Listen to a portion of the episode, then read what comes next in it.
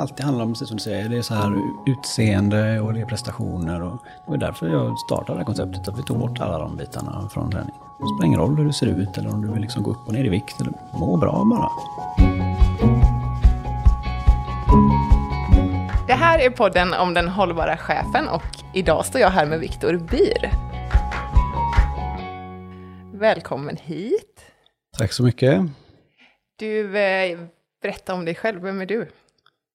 Jag är grundare av eh, utomhusträningskonceptet, eller kan säga friskvårdskonceptet, The OCR Gym. Och det är jag för att jag älskar att hjälpa människor att bli andfådda. Oh, det är en bra anledning. Ja, men lite så. Jag är ju framförallt kanske gymmets första kund också, själv. Så att innan det ens fanns ett gym så hjälpte jag mig själv att bli andfådd och fick bra hjälp med det. Mm. Och då insåg jag att det här är något väldigt, väldigt fint. Och det hände väldigt mycket magiska saker inom mig, i mitt huvud, min kropp, min självkänsla och mitt, mitt leende och varande. Så det vill jag ta fasta på. Så det var så du startade, alltså du hade inte tränat innan och började träna? Jag hade haft ett väldigt, väldigt långt uppehåll fyllt med massa olika saker som inte hade så mycket med träning att göra. Och levde väl i någon sorts tro att jag är en ganska vältränad person, vilket det första träningspasset väldigt pedagogiskt bevisade att jag inte var längre. Men allt eftersom jag fortsatte att bli andfådd och liksom lite, man blir ganska nedslagen i början. Det är jobbigt att bli andfådd om man inte varit det på många, många år. Men jag fortsatte ändå av någon konstig anledning. Eller kanske inte så konstig. Kanske på grund av att jag efter varje gång mådde så himla mycket bättre än innan. Så det var någonstans som ja, en gåva som fortsatte att ge hela tiden. Oh. Men du, eh, vad, vad tog du bort? Jag tog bort eh, massa osunda beslut och val och tankar på vad jag, eller fokus kan man säga, på vad jag inte kan och sådär. Det är ganska lätt att säga, åh, jag har inte lyckats med det här i livet och titta utåt och vad alla andra har lyckats med. Och jag började istället ta bort det här utåtblickandet och börja se inåt och peppa upp mig själv lite. Ja, idag gjorde jag det här och det var bra. Och så att jag liksom till slut hittade ett läge där jag kunde vakna på morgonen och kolla i spegeln och se en idol istället för en person som jag verkligen inte tyckte om. Liksom. Det är fantastiskt. Ja, det är när det fungerar. Det är en ständigt pågående process, men någonstans är det alltid målet att kunna bocka av och fokusera på de bra sakerna man har gjort varje dag.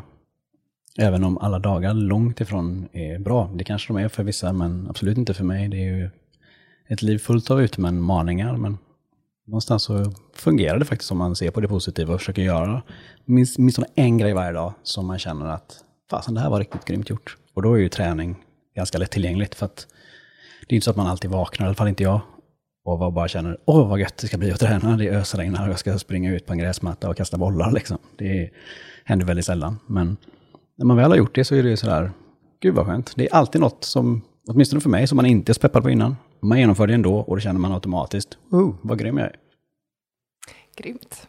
Du, eh, man kan ju använda också träning till så mycket olika saker, tänker jag. Alltså, dels eh, som i morse så tränade jag för att orka med dagen. Ja. Eh, men också Perfekt. om dagen har gått superdåligt så försvinner det lite grann, tycker jag, när man tränar efteråt.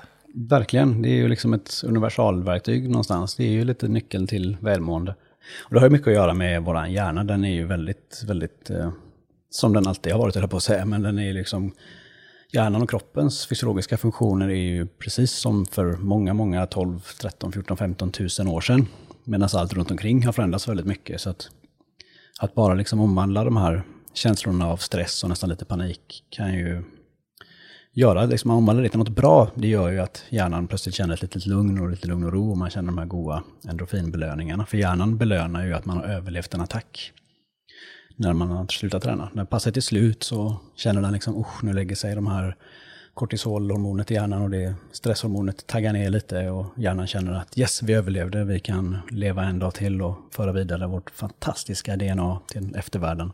Och då kommer den belöna en massa goda känslor och de är ju fint att man har, alla har dem inom sig, de nycklarna. Så att det är bara att bli riktigt andfådd och må lite halvkass en stund så kommer de fram.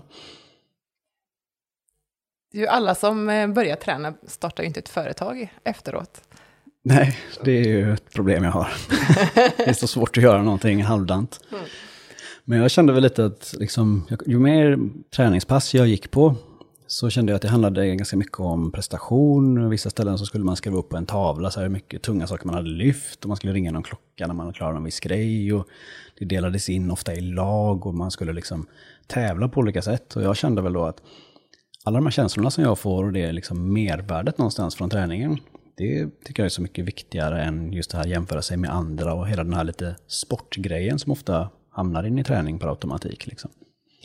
Så då kände jag att ja, men jag kan väl fylla ett hål i den här branschen och skapa ett träningskoncept som inte handlar om prestation utan bara om det inre välmåendet och där alla kan köra sin egen grej på riktigt. För det finns jättemånga träningskoncept, både inomhus och utomhus, som säger alla kan vara med här. Enda du behöver kunna är springa 10 minuter. Och det var en omöjlighet för mig när jag började liksom igen där 2015. Att 10 minuter, går eller? Det, ska jag springa 10 minuter? Jag kan knappt sitta och ta en öl i 10 minuter. Så att det var ju liksom någonstans lite hybris att jag kände att jag kan fylla ett hål här och sen inte bara fylla ett hål utan också gräva ut en ny egen liten plattform där alla kan få rätt till en bra kondition. Liksom. Alla kan vara med, jag älskar det. Ja, ja, men vad härligt. Det låter ju väldigt fint, men någonstans så, om man skulle förklara det då, så hittade jag på, eller hittade på, det var inte unikt att träna tidsbaserat. Men jag lade till liksom valfrihet, så att i vårt koncept så får var och en välja själv sin egen nivå. Att man liksom väljer hur mycket eller lite av någonting man vill göra, och man väljer sin egen takt. Och det blir någonstans ett gruppträningspass där ändå alla gör sin egen grej. Så det är lite halvlurigt att förklara, men det, vi har allt från liksom människor som tränar självmant flera gånger i veckan till de som kanske av en och annan anledning inte växte upp med sport, blev valda sist på gympan, inte var med i fem olika lagidrotter under hela uppväxten. Och det blir en väldigt fin dynamik på passen då. För att alla kan alltid ta i på sin egen högsta nivå och prestera på en nivå som funkar för dem. Och det är ju helt relevant för utvecklingen hur snabbt någon annan bredvid dig springer. Om du går och någon springer. Så det är, handlar ju bara om dig. Så att då ville vi liksom ta bort det här att man skulle, alla skulle liksom göra samma antal av allting. Det blir så orimligt. Liksom. Men är det så, när man kommer till ett pass då, är det det du säger första passet? Att här är ni här som individer? Eller? Ja, men lite så. Vi förklarar liksom att vi har ett tidsbaserat upplägg som baserat på tid och valfrihet. Och här plockar man ihop lite pass i passet. Vi brukar kalla övningsförslagen för en buffé. Och det jag brukar dra en referens till att se på det här som en hotellfrukost. Det vore orimligt om vi 25 personer här på gräsmattan skulle gå in på ett hotell på frukosten och ta exakt samma tallrik med exakt samma mängd av allting. Det kommer aldrig hända. Så att eh, passen är upplagda på det sättet också. Att alla fyller på sin egen tallrik, man tar det man vill från buffén. Men tänk också på att hotell kanske man testar någonting nytt. Man kanske tar sill och en pannkaka med grädde och en camembert och tänker på tallriken att oj, vad är det här för någonting? Men det är något nytt, så våga plocka lite sånt som man inte har hemma i frysen.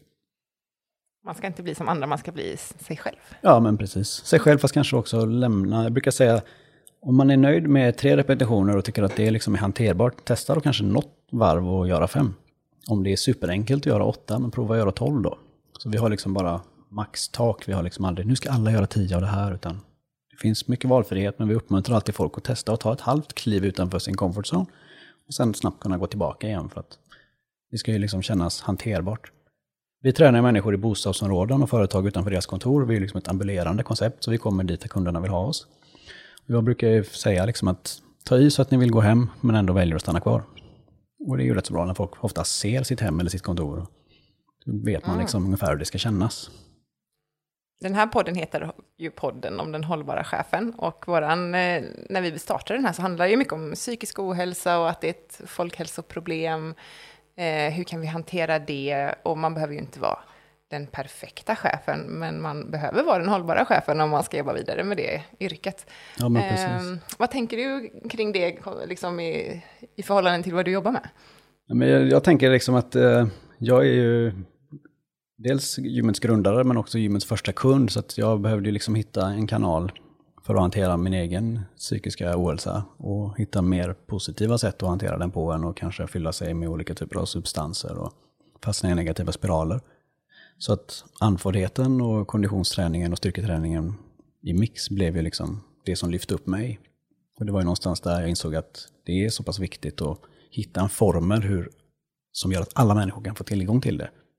För att vi kan inte liksom tappa någon när man är, ja, går på dagis eller grundskolan och liksom springer sist i trädet och inte får vara i det bästa laget och sådär. Vi kan inte tappa liksom framtida vuxna människor redan där, utan Fördelen av en bra kondition ska inte förväxlas med att prestera inom idrott tycker jag, utan Det är liksom en, en rättighet tycker jag som alla människor ska ha oavsett om vilken klass man tillhör eller vad man jobbar med, var man bor. Så att ha möjlighet att bli anförd och få känna att man överkommer sina egna hinder, det är någonting som jag tycker alla har rätt till. Och det är där vi lägger vårt fokus. Liksom. Det är därför vi aldrig har något så här, nu är det viktnedgång, kom i form till beach. Man ser varenda andra gymkedja hela våren på sociala medier. Beach 20, bla bla bla. Ja, nu har ju beachen stängd i år, men mm. vi jobbar liksom aldrig så, utan vi snackar alltid välkommen ut och må bra. Du förtjänar liksom också att ta del av alla fördelarna av en bra kondition. Jag brukar tala om att, tänk att det är ett, ett, liksom ett bidrag som alla får i stan. Om man bara går ner till den här parken en gång i veckan så kan man hämta 25 000 där. Då hade ju alla gått ner och tagit det. Ingen hade tänkt, att ah, jag skiter i det några månader, jag kan låta min granne ta de 25 000. Det här är ju ett värde som är bra mycket mer värdefullt än 25 000 i vilken valuta som helst. Och ändå är det många som känner kanske att ja, det här är inte för mig, eller jag är inte hemma i det. Och det är inte så konstigt tycker jag, med tanke på hur liksom idrott och tävling och så alltid har präglat oss, att vi ska vara bäst i någonting. Med oss handlar det bara om att göra det fast man inte vill. Man har ju rätt att ta del av fördelarna. Liksom. Det är en rättvisehandling från din sida, alltså att starta det här företaget? Kanske. Det är svårt att säga, men ja, lite så. Jag vill framförallt kunna se mig själv i spegeln. Liksom. Känna att jag gör bra val och jag försöker fastän att det är jobbigt. Mm. Jag brukar alltid undra, och jag tror jag frågade det i sista avsnittet också, varför man går upp på morgonen och gör det man gör. Så när du vaknar på morgonen, vad, vad tänker du då? Hur ska jag gå upp och... Det beror ju såklart jättemycket på vilken dag det är, men eh, jag tänker nog bara, åh vad tidigt det är oavsett vad klockan är. och sen tänker jag oftast bara, åh jag vill verkligen inte träna, men eh, jag, jag gör det antingen nu direkt så jag bara får det gjort, eller så väntar jag tills kvällen när jag kan göra det med kompisar eller gå på något av våra grupppass. Jag tänker på träningen det första jag gör när jag vaknar, i stort sett varje dag. Mm. Och lite på att inte försöka väcka hundarna och Nicole för tidigt, för jag vaknar alltid först. Mm. Ja, ja. Du, när jag tittade lite grann på nätet eh, för att se vad det var för en typ som skulle komma hit egentligen, ja. Eh, även kallat research, så, så såg jag att du bodde på en båt. Jag gjorde det tidigare. Du gjorde en, det? Ja, en husbåt vid Lilla Bommen. Mm. Nu bor jag ute i skogen med Nicole och nämnda hundar. Mm. Inte i ett tält då? Nej, i ett, ett, ett litet hus i skogen. Skulle kunna vara ett tält för sig. Ja, jag kände att du kanske var den typen eh, när jag såg det här. Båt, tält. Ja, ja lite kanske. Jag kan tänka mig bo i tält, men kanske begränsat antal nätter. Kanske mm. inte hela tiden. Så jäkla bökigt. Man får gå och huka sig. Vi blir så himla ja, böjda ändå. Faktiskt. Beror på vad det är för tält i och för sig. Vi blir så böjda ändå. Ja, vi blir ju det. Man är väldigt framåtställd. Ja, det är sant. Faktiskt. Vad är tipset mot det då?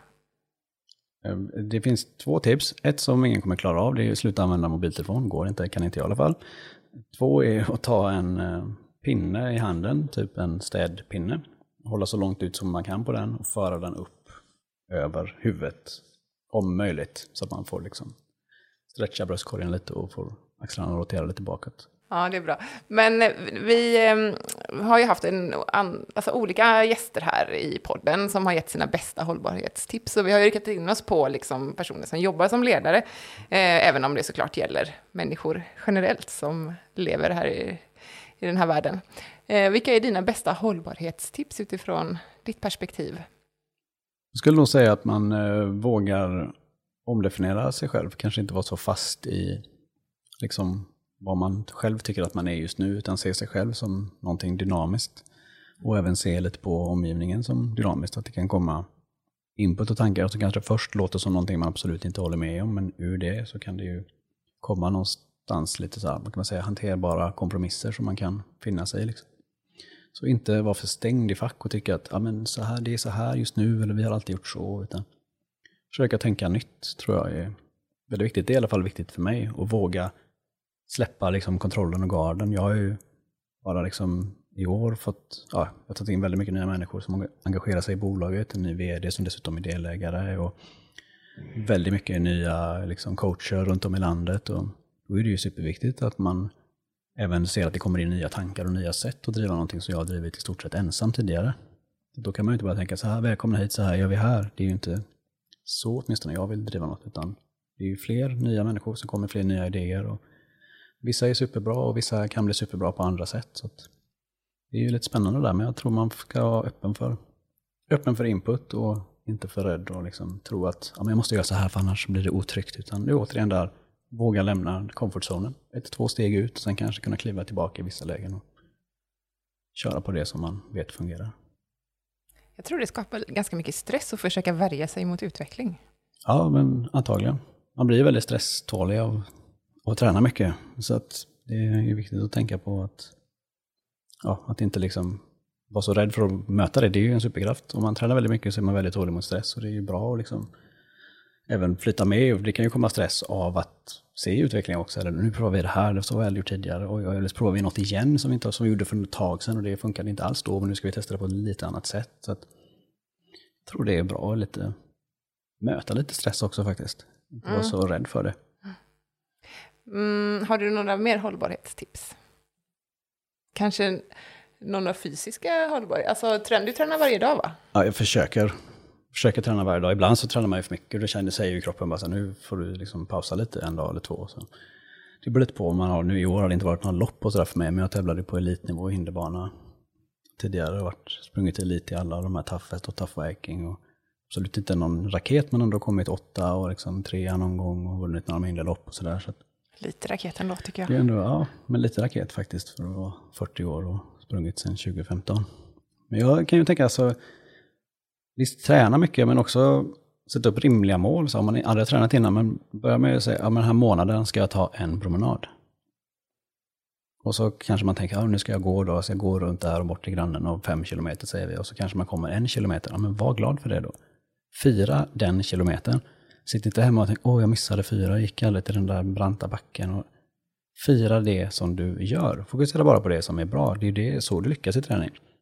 Tänk inte liksom, åh nej jag gjorde aldrig det och aldrig- jag har inte varit på gymmet på ett halvår. Nej men gå ett extra steg i trappan nästa gång du går i en trappa. Så har du gjort mer än vad du gjorde tidigare. Då firar man de segrarna tycker jag, det är viktigt. Så följ med i utvecklingen, fira dina småsegrar. Ja, var stolt över minsta lilla förändring åt rätt håll. Ja, jag känner att det här på Den hållbara chefen älskar vi de här tipsen.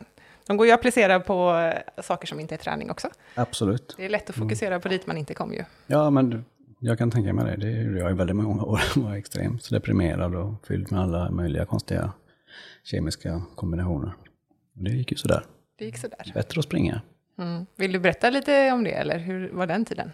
Ja, jag minns inte så mycket av den framförallt, men visst, den har ju fått mig att se på stan på, med andra ögon liksom. Och det är jättekul att läsa debattartiklar av alla människor sitter och tycker om drogpolitik och hit och dit. Och så man går genom stan så ser man ju liksom saker och ting som händer. Det är ju, man är på med någonting ganska länge, väldigt, väldigt intensivt, så tar man ju en stor del av det. Och det förändrar ju lite ens syn på saker och ting, men det gäller ju, tror jag, att inte så mycket gräma sig för vad man har gjort och heller liksom inte hålla på med några pekpinnar och säga så här, jag ska aldrig mer göra si eller så, utan jag tänker bara, jag vill ha en bra balans i livet som är mycket mer lutar åt det som jag liksom tycker är positivt och mår bra av och gör mig till en bra person och ledare. Och sen så är inte jag någon som säger aldrig och liksom försöker basunera ut, jag är felfri och perfekt, för att det tror jag är att stagnera lite. Man vill liksom fortsätta vara dynamisk och öppen för utveckling. Och jag brukar tänka på passen så här, men om jag liksom klarar av allting varje pass, då har jag inte lärt mig någonting. Så det är ju misslyckandet som någonstans för åtminstone mig framåt, tycker jag. Ja, den är väldigt svår. Fast den är liksom svårare när det gäller träning, tycker jag, än vad den är när det gäller allt annat. Ja, kanske, Mm, kanske fast på hur man ser på sin prestation också. Jag skulle säga att jag kanske passar bättre på dina pass då, när inte Ja. man tittar så mycket på dem bredvid. Nej, men precis. Mm. Det, det är helt otroligt. Eller jag har lyckats skapa ett sätt att träna, liksom en formel som gör att det kan vara massor av människor samtidigt. Ingen har en aning vad de andra gör. Liksom. Men tittar man åt något annat håll då, eller? Nej, men det är, det är svårt att förklara. Men alltså, alla är ändå Okej. upptagna med sin egen grej och så är det lite jobbigt och så är det utomhus och man är liksom man ser alltid varandra om man skulle titta för vi håller oss inom en radie på 250-300 meter liksom. Men så man är bara runt, runt och så tillbaka och fram och tillbaka. Så man, någon kanske kryper lite och sen bär man någon grej och sen kastar man en boll och så. Ja, så att det, man har liksom fullt upp med sitt eget. Jag älskar att träna, så jag försöker med liksom allt jag har nu och inte bara helt gå loss på att säga massa saker. Men krypa Ja. måste jag ändå säga. Och kräla på marken. Ja, det är ju behöver- helt fantastiskt Ja, men roligt. det gillar jag också. Men det kan ju nu det börjar säsongen där vi kanske inte låter folk kräla så mycket, men krypa. Alltså flytta sig som vuxen människa på händerna och tårna blir det lite då, fötterna med liksom kroppen låg tyngdpunkt. Det är ju någonting man inte gör jätteofta om man Nej, inte men har svåra problem med alkohol eller något annat. Så det är ju liksom en position som kroppen inte är så van att vara i. Och vi pratar mycket om det, att idag ska vi liksom göra grejer som din kropp inte är van i. Den kommer kanske protestera lite och din hjärna kommer säga att vänta nu, jag har fem andra lösningar på det här problemet som är mycket enklare. Liksom. Men då försöker vi lära kroppen att eh, ja, det är okej att göra jobbiga saker. En sak jag undrar över, det är det här när kroppen reagerar med motstånd. Eh, I träning kan man ju förstå att den gör det, men den kan ju också göra det i andra situationer i livet. Eh, vad tror du om det? Är det liksom, för man blir lite rädd för motståndet? Ja, men absolut. Jag har ju så mycket som pågår inne i mitt huvud så att det är ju ständigt, liksom inte kamp mot motståndet kanske, men det är ju liksom ständigt en medpassagerare någonstans. Men jag försöker liksom se på känslor, jag säger försöker för att det är liksom en process och det är inget som jag har hittat någon sorts universal lösning för. Jag tror inte att det finns heller. Det finns säkert många sådär coacher och gurus som lever på att säga att de har en lösning och det, det är ju fine, alla måste ju ha sin kiosk öppen liksom. Men jag tror att ja, någonstans så är de här känslorna, för mig så jag ser det som att de får vara en medpassagerare i min båt, men de får inte vara kaptenen. Det kan vara allt om det en känsla av höjd. Jag är väldigt höjdrädd till exempel, inte så praktisk känsla om man ska klättra på hinderbanor eller sådär. Men då får ju den känslan vara en medpassagerare i de lägena och den får sitta bredvid, den får finnas, det får pirras i magen, men den får inte bestämma hur utfallet ska bli. Så ser jag på det. Det är ett bra förhållningssätt. Och då, om man nu tänker på till exempel utmattningssyndrom och så, då säger man ju mycket så här, lyssna på din kropp, den kommer protestera när du inte, när, du- när du inte ska gå längre. Vad är skillnaden då på protest och protest? Det är svårt att säga, nu har alltid inte jag varit utmattad någon gång, vad jag vet. Men eh, jag tror att ja, man, man vet nog bäst själv, men jag tror samtidigt så ska man nog inte vara rädd för att kanske bara ta ett halvt eller två steg utanför det som känns rimligt och bara se hur det känns. Och samtidigt så funkar det inte så backa tillbaka. Testa olika riktningar. Liksom. Ja, den är, den är så intressant, den, eh, alltså skillnaden på dåligt gå över gränsen och bra gå över gränsen. Verkligen. När jag började träna i början så sprang jag med, det visste jag inte då, men några av Sveriges liksom främsta ultralöpare. Thomas Amneskog, din gamla kollega, och Maria Karlsson och Dimitrios och Rickard. Och då sprang jag med dem i skogen och då fick jag lite ont ibland för jag sprang långt och min kropp var inte van. Och då lärde de sa ju samma sak hela tiden. Ja, det är skillnad på bra ont och dåligt ont. Du får bara lära dig själv, men du kommer aldrig kunna liksom hitta skillnaden på de två om du inte utforskar lite. Jag tror man ska försöka vara utforskande och vad det än är. Liksom. Jag hade ju en svår depression när jag började träna och det var inte alltid jätteroligt men det hjälpte ju mer andfådd jag blir. Men vissa dagar så hjälpte det bara att ligga kvar i det svarta hålet och inte gå ut och känna sig fantastisk i sina spandexbyxor. Spandex. Det är roligt. Ja, man firar segrarna återigen liksom. Det är ju det. Jag slutade tänka, åh det gick inte, jag mådde så dåligt, jag gjorde inte det jag tänkte. Men skit i det då. Upp med ett nytt mål eller behåll samma och så fira de två stegen man tog mot det. Inte strunta i de 5000 stegen som var kvar till slutet. Hitta på ett nytt slut. Alltså allt är ju på. Ja, allt är på. Du sa att du ville vara en bra ledare. Ja, Eh, vad är en bra ledare? det har jag ingen aning om. Men jag tror att jag, vad jag försöker vara, både på passen och sen liksom mot kollegor och vad jag förväntar mig att folk är tillbaka också, det är väl lite att vara en bra kompis. Liksom.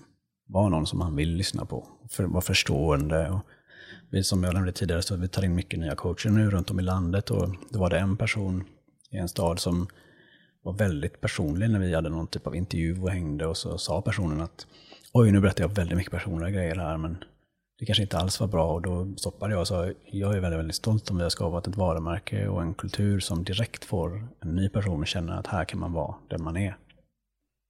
Så jag tror att det är viktigt, i alla fall i vår organisation och för mig i mitt liv, att vara en schysst ledare och en schysst kompis. Och det är liksom att våga lyssna och våga ha fel och alla de här klassiska klyschorna som jag tror folk slänger sig med. Men det är extra tydligt framförallt när man håller pass mot kunder att visst man är där och tar tiden och är lite auktoritär roll och ska ju liksom serva dem och hjälpa till. Men samtidigt så måste man kunna ta input och vara dynamisk så att det blir bäst för gruppen. Det är ju det det handlar om, mångt och mycket. Vi är ju ett flockdjur.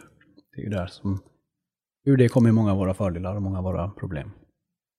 Hur, I din organisation, hur ser det ut och vilka är det du leder? Liksom? Har du anställda eller är ni... Vi har eh, bara giggers, så våra coacher är Ja, de är anställda i egna bolag helt enkelt och fakturerar oss. Vi har ju försökt skapa en modell som har lite mer hälsosamma löner. Alltså det är ju väldigt märkligt att ingen har pratat om det vad jag har hört, förutom det jag säger nu. Men på de stora gymkedjorna och liknande så får ju de som jobbar och gör jobbet extremt liten del av kakan. Om du köper en PT-timma på en stor gymkedja för 700 kronor så får PTn behålla ungefär 200 spänn av dem. Det är ett märkligt upplägg. Nej, det är inte så mycket. Köper du en PT-timma hos oss så får PTn behålla 80-90% av den PT-timmen. Så vi tycker det är lite ett schysstare upplägg. Liksom. Mm. Och det är någonstans att liksom, ja, leda lite, vad ska man säga, lite leda, men kunna stå för affären och ge andra möjlighet att känna att de äger sin egen affär och liksom sin egen business. Och mer hjälpa människor till att kunna skapa en plattform. Vi har ett schysst varumärke, vi har liksom ett etablerat koncept, vi vet att vi ska starta upp nya platser. Så att vi vill hjälpa människor att kunna jobba med sin passion, precis som jag kunde göra. Fick ju hjälpa mig själv mycket i början, men nu är det gött att kunna hitta sätt att kunna hjälpa andra att göra samma sak. Men då när de här personerna är egna och du ändå har varumärket, varumärket är ditt, hur får du dem liksom eh, att dela värderingar med dig? Eller hur säkerställer du att ni delar värderingar? Det är såklart det är svårt att säkerställa, man, framförallt när man växer snabbt, men hittills har vi inte haft några problem med det, för att i grund och botten så är det ganska så enkelt. Alltså var en schysst kompis. Tryck inte ner någon, var trevlig. Vårt användarvillkor är nog det kortaste i hela träningsbranschen som vi har både mot kunder och vår personal givetvis. Och liksom det handlar mer eller mindre om säg inte taskiga saker. Mm. Och sen kan man ju tycka att man säger någonting som inte är taskigt och någon annan uppfattar det tvärtom. Men då är det ju såklart direkt in och prata om, okej, okay, du förstår, ja, jag förstår du tänker. Där får vi reda ut, jag menar det så här och ska tänka på till nästa gång och inte uttrycka mig just i de banorna kanske. Vad som är självklart för en själv eller för någon annan kan ju studsa helt annorlunda på andra sidan. Mm. Intressant eh, kontra de här väldigt långa, tjocka styrdokumenten som finns eh, kring andra Ja. verksamheter. Ja, det Att ha det så kort som möjligt. Om, om jag vill liksom starta om mitt liv på ett mer hållbart sätt utifrån alltså fysik blir det ju i det här fallet. Ja. Vad, hur skulle jag gå tillväga då? Vad är steg ett? då skulle jag säga att om eh, du har väldigt, väldigt mycket att göra och känner att tiden inte räcker till, så om vi pratar om ditt jobb nu då, då skulle jag säga jobba en timme mindre till att börja med i veckan. Så kommer du få mer gjort, förutsatt att du under den timman blir andfådd och gör någonting som din kropp inte är van vid. Men liksom, vet vi det? Att om man blir andfådd en timme, då presterar man bättre de andra sju eller åtta, eller vad det nu blir. Jag tror inte att det finns någon på hela jorden som har tillgång till internet eller liksom ett samhälle som inte vet att träning är bra. Jag tror att det är svårare att få kanske chefer och liknande på arbetsplatser att inse att vi har så himla mycket att göra här så vi hinner tyvärr inte träna. Fast ni hinner inte inte träna, det är det de menar. Ta en timme arbetstid, betala människor för att må bra en timme. Så det säger ju sig självt, nu sitter ju många, ja ah, det är klart. Men få igenom det också, det är de här styrdokumenten som kanske bromsar. Mm. vet inte. Mm. Mm. Okej, så det var det. En timma rör på dig, jobba mindre, är tips ett. Ja, tips ett, en timme i veckan. Börja med det och sen så gärna liksom kanske en halvtimme eller 45 minuter per dag om man har möjlighet till det. Eller om man har möjlighet till det, om man har möjlighet att våga ge sig själv det. Jag kan garantera, alltså skulle vi komma in på ett stort företag och säga nu ska ni jobba liksom 30-45 minuter mindre per dag, att efter åtta månader skulle de se andra resultat och det skulle vara bättre. 100 procent, det är inget som vi har hittat på, utan det är ju så kroppen och hjärnan fungerar. Så att jag menar, vi har ju bara liksom hjälpt evolutionen att få visa sin fulla potential. Liksom. Finns det tips två då? Eller är det det, har du liksom någon så här flerstegstips? Kanske att tips två kanske skulle kunna vara att ja, men stagnera inte i det då. Våga liksom, när du har kontroll över den arenan du tränar en timme i månaden säger vi, men våga lägga på lite till. Och testa att göra andra grejer. Träna väldigt varierat. Utomhus, kanske inomhus om du nu vill det i dessa tider, men gör andra saker. Våga både gasa och bromsa i det. Det finns ju liksom inget som säger att ja, men nu är jag en utomhustränare eller nu är jag en aerobicsdansare. Utan våga vara dynamisk och testa olika grejer. Kroppen vill ju bara röra sig på många olika sätt. Det är ju det som den är till för. Liksom. Inte bara sitta i Teams-möten. Och... Det är också, tänker jag, så här att när man börjar göra någonting så vill man gärna identifiera sig som det sen. Alltså så här, jag är en... Verkligen. Ehm. det minns jag, som blev någon sorts OCR-superlöpare och bara sprang runt på de här magtröjorna på tävling. Och mm. Älskade hela den grejen. Men jag tror det kan vara bra, men sen också våga liksom testa nya grejer. I somras provade jag och en kollega, vi skulle testa swimrun. Ingen av oss kan ju crawla, så det såg väldigt festligt ut. Men jag tror det är liksom, knyter an lite till det här att våga liksom misslyckas. Se misslyckandet som, som själva målet. Liksom. Det betyder ju att man gör något som man inte provat innan och det kommer ju utveckla en. Misslyckandet är målet. Det är intressant ändå.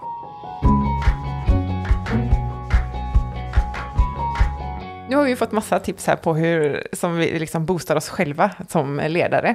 Eh, men ett av liksom, det, de stora uppdragen som ledare är också arbetsgruppen som man leder såklart. Vad, har du några, liksom, så här, hur kan man göra för att få en mer aktiv arbetsplats eller arbetsgrupp? Jag ser ju att många ledare idag är väldigt aktiva och tränande personer. Det är väldigt ofta som eh, till exempel ja, vdn ska åka Vasaloppet och cykla Vätternrundan och allt vad det är. Springa OCR-lopp och hoppa genom eldar och sådär. Så jag tror det är viktigt att eh, kanske liksom våga vara den som inte leder personalen i det. Att liksom så här, hur sannolikt är det om, nu vet jag att du tränar väldigt mycket, om du skulle säga till ditt gäng, nu ska ni hänga med mig och träna imorgon. Åh, vad härligt. Nej, det hade inte varit härligt. Det hade de inte tyckt, tror jag inte. Kanske inte, för liksom, då blir det så nu ska vi gå med den här auktoritära figuren. Hur liksom platt och folkligt och så här härligt det än är, så är det ändå liksom lite små hierarkier runt om företag. Och nu ska vi få gå med vår ledare och vara liksom andra hand på en ny arena. Gud vad spännande. Så jag tror att man ska våga liksom lite släppa sin egen roll i det och känna att ah, men nu har jag fixat eh, ja, ett träningspass här som ingen av oss någonsin har provat. Och uppenbarligen så kan alla vara med och vi tänkte göra det här tillsammans på arbetstid. Så att vi går ut och gör det istället för liksom det här projektplaneringen vi skulle gjort nu på fredag. Utan vi tar den sista timman och hänger lite i parken istället. Våga frigöra tid för det. Jag förstår att det kan ge panikkänslor och bara så, åh nej, vi kommer inte hinna klart med den här och den här leveransen. Och det är 100 procent. Att tar man tid för att hela gruppen ska må bra och få känna att de överkommer och hinder och presterar liksom en fysisk aktivitet som de verkligen så här bävar inför. Känslan efter ett träningspass är magisk och det är för att hjärnan mår superbra av det. Det är inget som jag har hittat på utan det är bara så vi människor är disponerade. Men hur ska man tänka då med de eh, som faktiskt mår dåligt av att träna? Alltså, det kan ju, som du nämnde i början här, man kan ju ha varit personen som blev vald sist på gympan och får värsta flashbacken till det. Liksom. Absolut, och då är det viktigt att man kommunicerar och har en person som kan leda en genom det, till exempel typ som någon av våra coacher eller jag själv, som förklarar att det här handlar inte om liksom illusionen av idrottsprestationer, utan det här är en helt annan grej. Och förklarar att nu finns det ett sätt att se på träning som inte handlar om kroppshets eller prestera eller vinna eller parövningar där man bär varandra och håller på, utan det här handlar bara om att hitta och prova en nyckel till ett inre välmående. Så man får en nyckel, får man testa att låsa upp en dörr en gång. Sen behöver man aldrig mer öppna den dörren om man inte vill, men här får alla en chans att prova. Men eh, vi sitter ju också väldigt mycket ner jämt ju. Det vet vi ju, för att vi, för, det talas ju om för oss väldigt ofta. Vi sitter ja, för mycket. det gör ju alla. Även oss, jag som, och andra som tränar väldigt, väldigt mycket sitter ju också för mycket. Så det mm. kan vara på spårvagnar, bil, i soffor liksom. Mm. Um, och då ser jag så här framför mig mitt eget kontor där jag jobbar till exempel. Där, det finns ju såklart stolar och alla sitter i sina stolar. Mm. Um, hur gör man liksom också för att skapa en kultur av att man gör någonting annat? Om du mm. förstår vad jag menar. Ibland ja, kan det ju vara man är som en liten eh, udda fågel om man ställer sig upp och börjar gymnastisera helt ensam. Ja men absolut, men man kan ju ha någon typ av liksom kollektiva uppdrag om man har en onlineplattform eller en helt vanlig hederlig whiteboard eller griffeltavla till och med. Där man har x antal eh, grejer som ska bockas av på en vecka. Till exempel att ja, men vi ska sätta oss ställa oss upp på stolarna, beroende på hur många man är, men säg 2000 gånger denna veckan. Ja, då kommer ju alla behöva sätta sig tre extra gånger varje gång, om man nu inte är så många anställda, då räcker det med en gång. Men du förstår vad jag menar, så att man liksom skapar någon typ av kollektiva liksom, lösningar på problemet. Att vi ska bestiga Mount Everest denna veckan. Ett trappsteg är värt en halv meter. Det är 8848 meter högt, så då måste vi ta cirkus 17 000 steg tillsammans. Trappsteg då alltså. Och då kan man logga in när man vill via mobilen till sin onlineplattform. Och ja, men nu lägger Viktor upp två trappsteg här, han gick upp ur en båt. Ja, men nu lägger någon annan upp eh, 20 trappsteg för de gick en extra trappomväg på väg till restaurangen med sina kids. Ja. Alltså lösa problem ihop som har med rörelse att göra. Det behöver inte vara så tråkigt som att liksom, nu ska vi alla träna på varsitt håll, utan man kan göra det till en gruppaktivitet och liksom visa att fasen, vi som grupp har löst det, vi bestigit Mount Everest. Helt grymt. Det var mm. helt gratis, vi slapp åka ner och bo i det här baslägret och klättra på frysta människor. Det var en jävla massa pengar vi sparade. Skräpa inte ner naturen heller. Nej, men exakt. Mm. Det finns snart inga sopor kvar att fylla det där berget med. ja, men det är ju jättebra idé. Skoj. Gör det liksom roligt. Mm. Det är det vi tror på. Vi tror på lättillgänglig och rolig och lekfull träning. Mm. Som är liksom inkluderande och skapar liksom automatiskt en plats där alla känner att fasen jag har rätt att ta del av de här fördelarna och jag passar in här. Mm. Jag tycker, alltså när man går fram till ett skrivbord så här och ska sätta sig ner så ser det ju väldigt skönt ut att sätta sig ner. Men det är jobbigt att stå upp. Ja, men då kan man ju liksom testa lite. Om man har stolen där kan man ju sätta sig och sen så direkt ångrar man sig så ställer man sig upp igen och sen ångrar man sig och sätter sig ner. Så har man ångrat sig tio gånger så har man åtminstone rört sig lite mer än om man bara funderar en gång. Mm. Ångra sig är vi bra på när det kommer till träning. Ja, det kanske vi är. kan man dra nytta av. Nej förresten, jo förresten. Nej förresten, ja, apropå vad nu där fågel. ja men precis, exakt. Mm. Jag gillar att sitta på bollar på kontoret till exempel. Ja. Och man kan ju också stå liksom med böjda ben. Eh, det heter något, jägare va? Ja, jägar, jägare. jägarvila tror jag det kallas. Jägarvila, ja. Mm. Just det. Eh, men om, man, om jag gör det så kommer alltid någon att fråga så här, varför står du så där för? Ja, men det är ju perfekt. Då kan du säga, ja men jag står så här för att jag måste göra det i en minut, men om du hjälper mig att ta de sista 20 sekunderna så kan jag vila. Det är väl en bra deal. Mm. 60-40. Det är en deal. Oh, jag älskar det. Mm. Alltså nu kommer min arbetsplats kanske bli trött på mig. Jag vet inte. De kommer få mer energi och bli piggare, men kanske inte rikta den mot dig. Nej, precis. Men små lekfulla förändringar. Tejpa lite i golvet. Den här blåa tejpremsan som löper härifrån in till konferensrummet. Om man inte balanserar på den så är det tusen meter ner på varje sida. Livsfarligt. Det är helt livsfarligt. Och har man jättebråttom iväg någon gång och går bredvid så kommer man inte falla ner som det är ett golv. Mm. Gör det roligt. Mm. Mm. Och du, just nu är det ju väldigt mycket också så här, man sitter ju framför skärm, alltså Teamsmöten och annat, eh, lite coronaanpassningar och sådär. Eh, det är också, det blir dels mer sittande kan jag tycka av den här coronatiden. Eftersom att man sitter och sitter och sitter framför den här skärmen, det gör man ju inte annars. Men hur kan man liksom göra det annorlunda? Framförallt så sitter man ju väldigt många lite mm, kanske märkliga positioner mot vad man är van vid. De flesta företag har ju väldigt schyssta stolar och det är höj och sänkbara bord och det är lätt liksom att anpassa sig. Nu kanske man sitter hemma i en soffa och håller på med något barn med andra armen. Och det blir lite konstiga påfrestningar för kroppen. Men jag tänker att återigen, alltså, sitt inte för länge. Ha någon sorts timer eller vad som helst. Lägg en påminnelse i kalendern. En gång i timmen. Gör något. Det räcker att skriva det. Gör något. Gå ut, ta ett extra glas vatten, sätt dig på köksgolvet och ställ dig upp utan att tappa taget om glaset som du håller i båda händerna. Där har många moderna kontorsmänniskor en utmaning. Sätta sig på golvet och ställa sig upp utan att använda händerna. Lycka mm. till! Just det. Det är också liksom väldigt eh, svårt att få den här eh, energin som man kan få, alltså i vissa möten i alla fall, och få igenom det i skärmen. Ja, verkligen.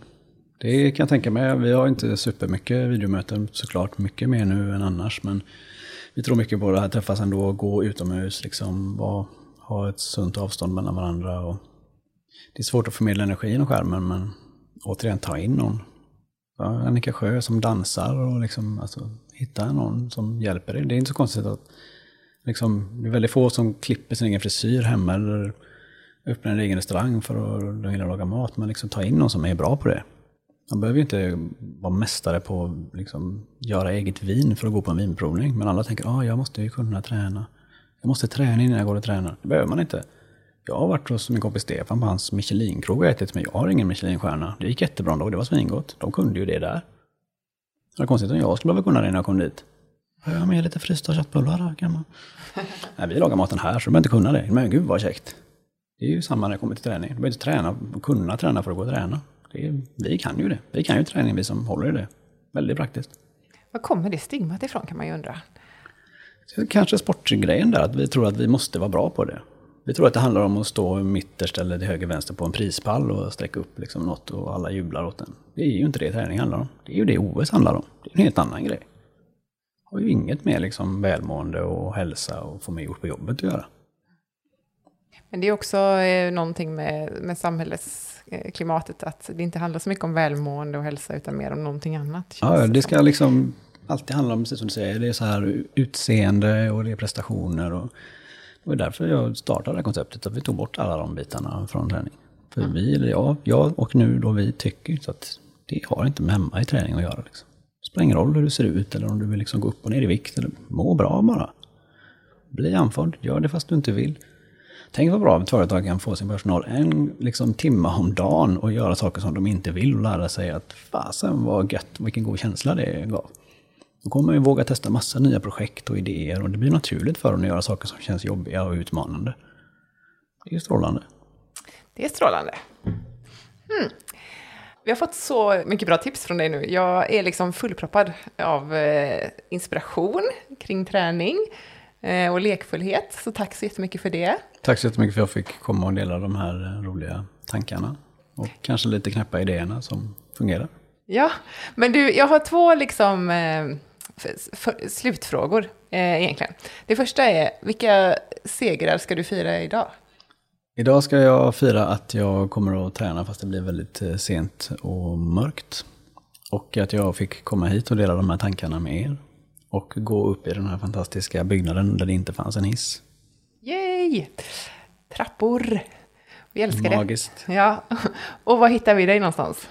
Ni hittar The OCR Gym i App Store och Google Play genom att söka på The OCR Gym. Och mig hittar man på gräsmattor utanför företag och eh, privatpersoners bostäder runt om i Göteborg. Mina kollegor finns i Linköping och Stockholm och flera roliga platser på väg in konstant. Underbart. Tack så hemskt mycket Viktor för att du var här. Tack så jättemycket för att jag fick komma förbi.